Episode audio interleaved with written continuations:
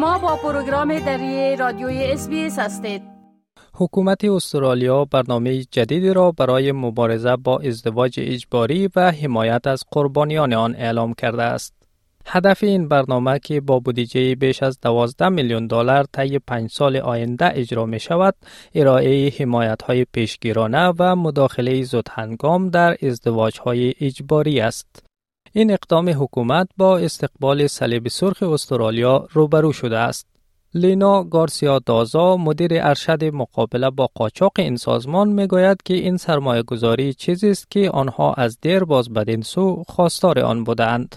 او می گوید که صلیب سرخ شکاف های را در برنامه های جلوگیری از ازدواج اجباری شناسایی کرده است که با این پول می توان آنها را برطرف کرد. Through the delivery of the Support for Trafficked People program, we have identified and highlighted critical gaps especially for those at risk of forced marriage and especially around um, early intervention and prevention because we do not provide support to the families, we do not provide support to the um, community and to the environment. We only provide support to the individual that has been um, referred to the support program. And around 46% of the people that we support at risk of forced marriage decide to remain in the family home. پروفسور جنیفر برن از سازمان مبارزه با بردهداری استرالیا می گوید که قربانیان یا افراد در معرض خطر ازدواج اجباری احساس می کنند که آزادی انتخاب خود را از دست دادند. او می‌گوید ازدواج اجباری بدون رضایت کامل و آزادانه یکی از طرفین یا هر دو طرف صورت می گیرد و معمولا با اجبار یا تهدید و فریب همراه است. A forced marriage is one that takes place without the full and free consent of one or both of the parties to the marriage. And that usually means that there's been coercion or threat or deception that's been so strong that it's had the effect of taking away a person's ability to say no to, to a marriage that, that has been organised for them. ازدواج اجباری در سال 2013 در استرالیا به یک جرم جنایی تبدیل شد و نقض حقوق بشر محسوب می شود. این گونه ازدواج ها اغلب حوادث خشونت خانوادگی را به همراه دارند. با این وجود هنوز هیچ فردی در رابطه به ازدواج اجباری محکوم نشده است. سارا پولز مدیر اجرایی گروه کاتولیک های مذهبی علیه قاچاق انسان با استقبال از این اقدام حکومت می گوید که افراد در معرض خطر ازدواج اجباری نیاز به حمایت های بسیار تخصصی دارند. او می گوید که برنامه های حمایتی باید از نظر فرهنگی برای قربانیان مناسب باشند و نیازهای انفرادی آنها را مد نظر بگیرند.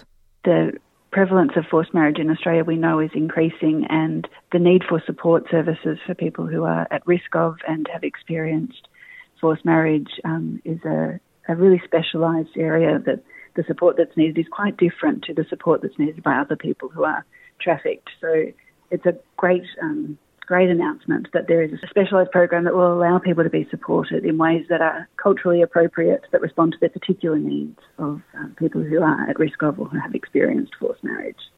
قربانیان ازدواج اجباری ممکن است به دلایل مختلف مانند مسائل مالی یا اجتماعی فشار شدیدی را از جانب اطرافیان خود برای موافقت با ازدواج تجربه کنند. برخی از جوامع ازدواج های سنتی را راهی برای محافظت از فرزندانشان در برابر روابط ناخواسته می دانند. در این جوامع ممکن است ترتیب ازدواج افراد از سنین خیلی پایین داده شود. لینا گارسیا دازا از صلیب سرخ می گوید که یکی از دلایل گزارش نشدن بسیاری از این حوادث این است که قربانیان نمی‌دانند برای کمک به کجا مراجعه کنند. Accommodation is a huge barrier in making the decision to leave the family home.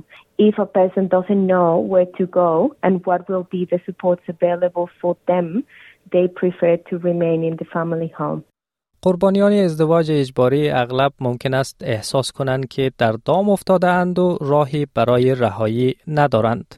تأثیر ازدواج اجباری بر سلامت افراد می تواند بسیار شدید باشد.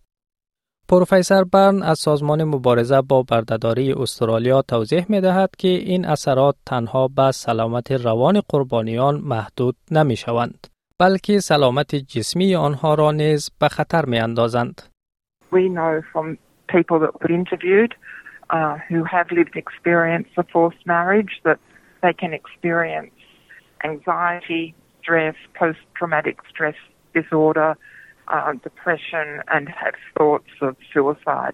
The effects are enormous, not only on the mental health, but also the physical health, and particularly there can be adverse health consequences if there's an early pregnancy involved.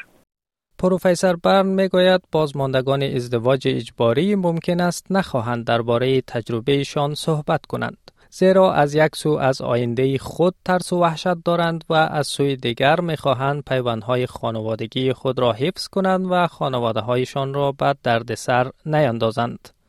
A forced marriage victim or, or a person who may survive the risk of forced marriage often feels fearful. They're terrified about what might happen to them, fearful about their future. But at the same time, we've found through our research that they're very protective of their family members and want to conserve family bonds.